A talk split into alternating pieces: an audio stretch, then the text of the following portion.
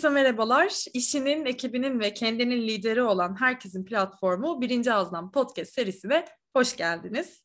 Sevgili Elif İçören'in vekil sunucusu olarak ben Nesin Yorulmaz'la birliktesiniz. E, programımızda bugün İzmir Devlet Senfoni Orkestrası Müdürü Jale Özge Tanrıber var.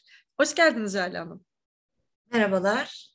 Nasıl Hemen bir kısa şey yapayım. Özge Hanım diyebilirsiniz diye düzelteyim geri kalanında. Tamam tabii ki, tabii ki. Zaten bir sonraki sorum Jale'yi mi tercih edersiniz, Özge'yi mi olacaktı? Buna önden bir müdahale olmuş oldu. Güzel oldu. Tamam. Ee, tekrardan hoş geldiniz. Bugün bizimle olmanızın elbette özel bir sebebi var. Ee, bildiğimiz üzere İnce Holding'imizin bu yıl 70. yılı. Ee, ve bizler geçmişten gelen köklerimizden e, ve geleceğe tohumlarını bırakacağımız vizi tanımlayan önemli iletişim çalışmaları başlıklarından e, bu yıl bahsediyoruz sıkça. Bunlardan bir tanesi de sanata saygı.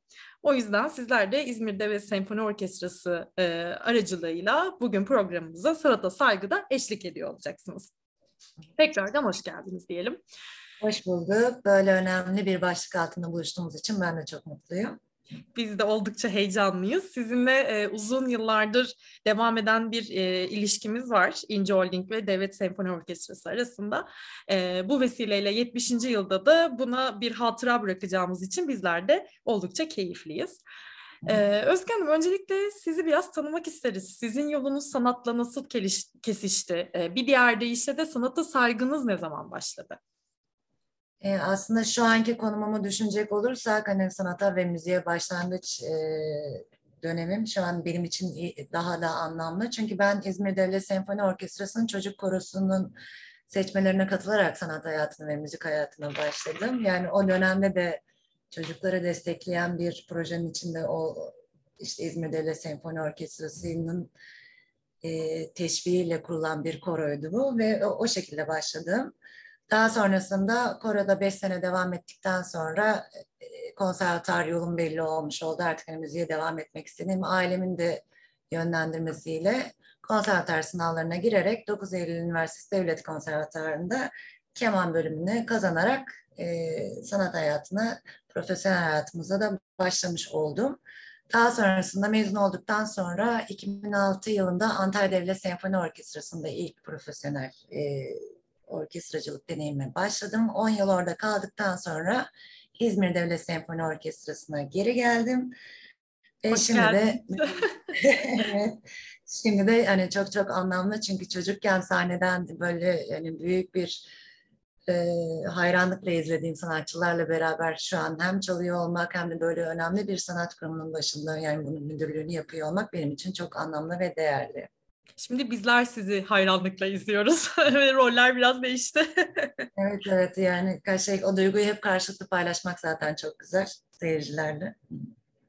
Şahane bir yolculuk olmuş gerçekten. Ee, biz de bu süreçte sizleri tabii yakından takip ediyoruz.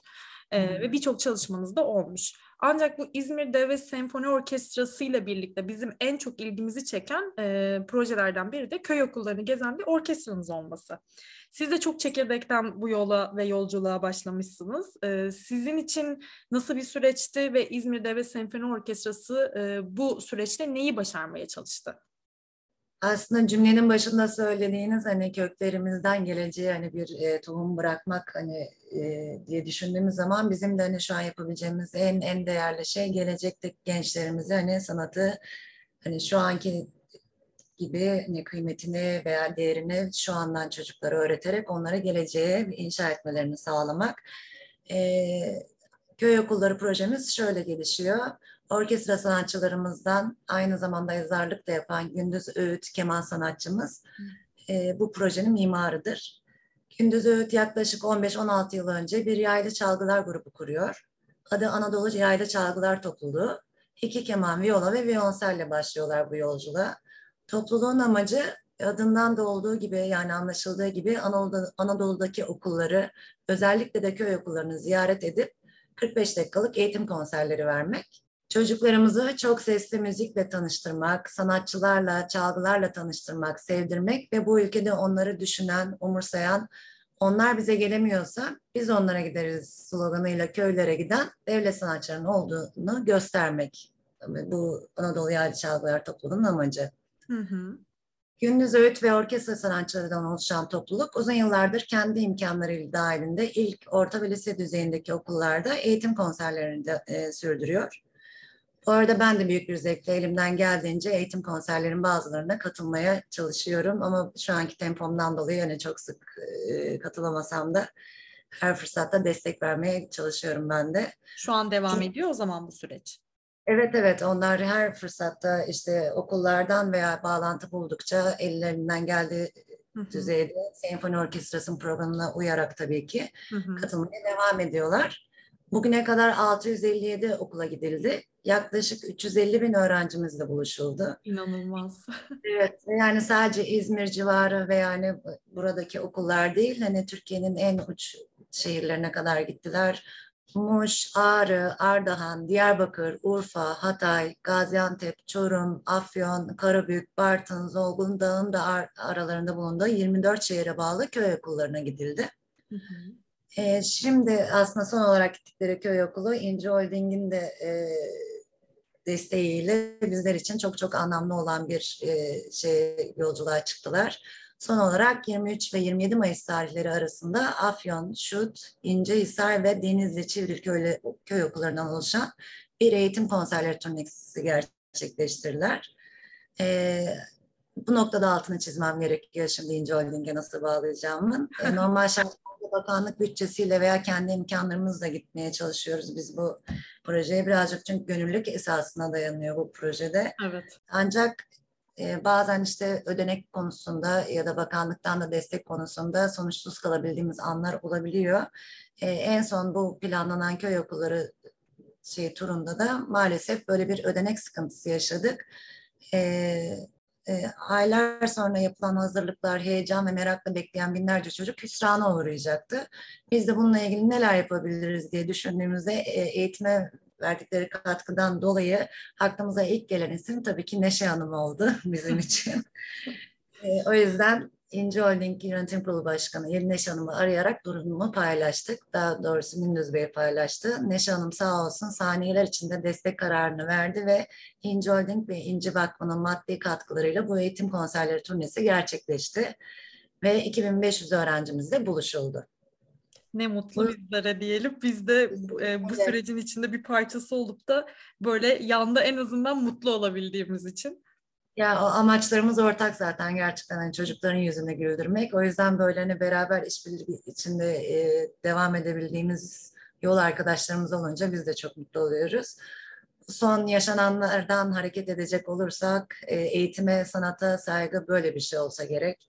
Bu vesileyle gerek İnci Holding'e yıllardır sanata, eğitime, İzmir Senfoni'ye verdiği değerli katkılardan katkılarından dolayı teşekkür etmek istiyorum.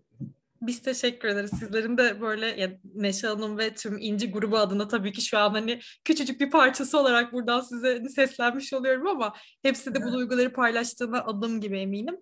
Ee, biz de böyle gönüllü çalışmalar olduğunda zaten yapacağımız şeyler anlam buluyor. Biz de ancak o zaman keyifle yolumuza devam edebiliyoruz.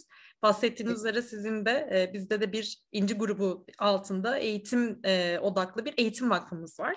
E, Cebet İnci Eğitim Vakfı e, ve vakfımızın çeşitli faaliyetleri var. Bunların ama içinde e, uzun süredir devam eden bir orkestra grubumuz var. İnci Vakfı Gençlik evet. Orkestrası. Takip ediyoruz onu. E, evet. Bu süreçte ortak amaçlar, ortak yolculuklar çocukları olduğu için e, eminim çok keyifle içinde bulunduğumuz bir dönem olmuştur diye düşünüyorum ben de. Kesinlikle öyle. Yani imkanı olmayan çocukları bunları ulaştırabiliyor olmak gerçekten çok değerli.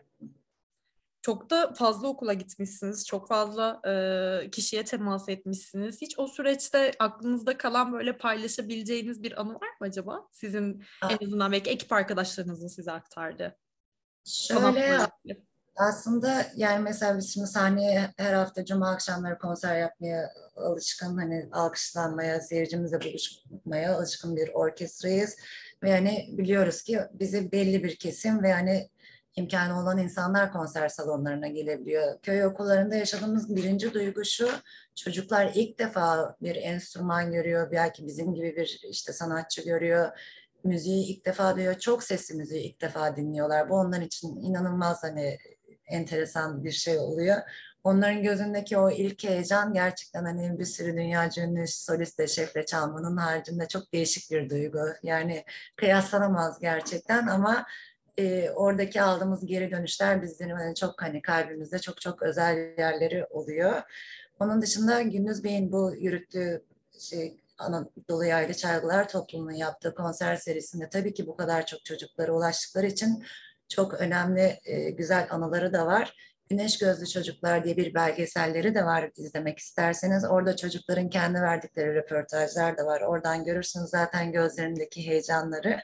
Mesela bir tane çocuğumuz köy okulunda e, dinledikten sonra bu konseri yani şey etkinliği daha sonrasında o kadar heyecanlanıyor ki keman çalmak için kendi küçük yaşta çalışarak para biriktiriyor ve daha sonrasında müzik öğretmenine gidiyor. Keman almak istediğini söylüyor ve hani gerçekten kemana başlıyor ve biz de Gündüz evet, aynı zamanda yazar olduğu için de bunu da çok güzel kaleme dökerek bir kitap yaptı o çocuğun hikayesini. Bunlar böyle e, anılarla geri gelince tabii ki yani o duygular gerçekten çok tarifsiz oluyor bizler için de.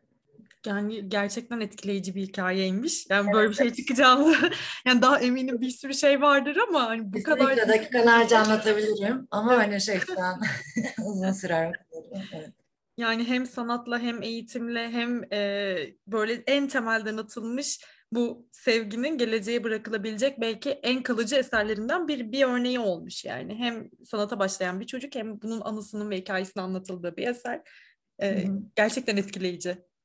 Çok yani şey e, çocukların işte gözünde o yıldızı yakaladıktan sonra ışığı gördükten sonra hani onların gelecekte en azından bizim bıraktığımız bu duygudan sonra iyi bir yöne evrileceğini görmek gerçekten çok tarifsiz.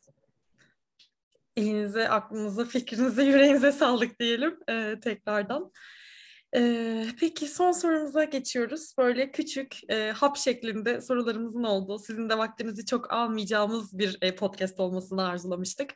O yüzden sona geldik. Ee, bizler şimdi bu bahsettiğimiz tüm program boyunca İnci Holding'de sanatı saygı, kökler ve tohumlar işte 70 yıl gibi e, 2022 yılımızı temalaştıran bazı iletişim kelimelerinden bahsettik.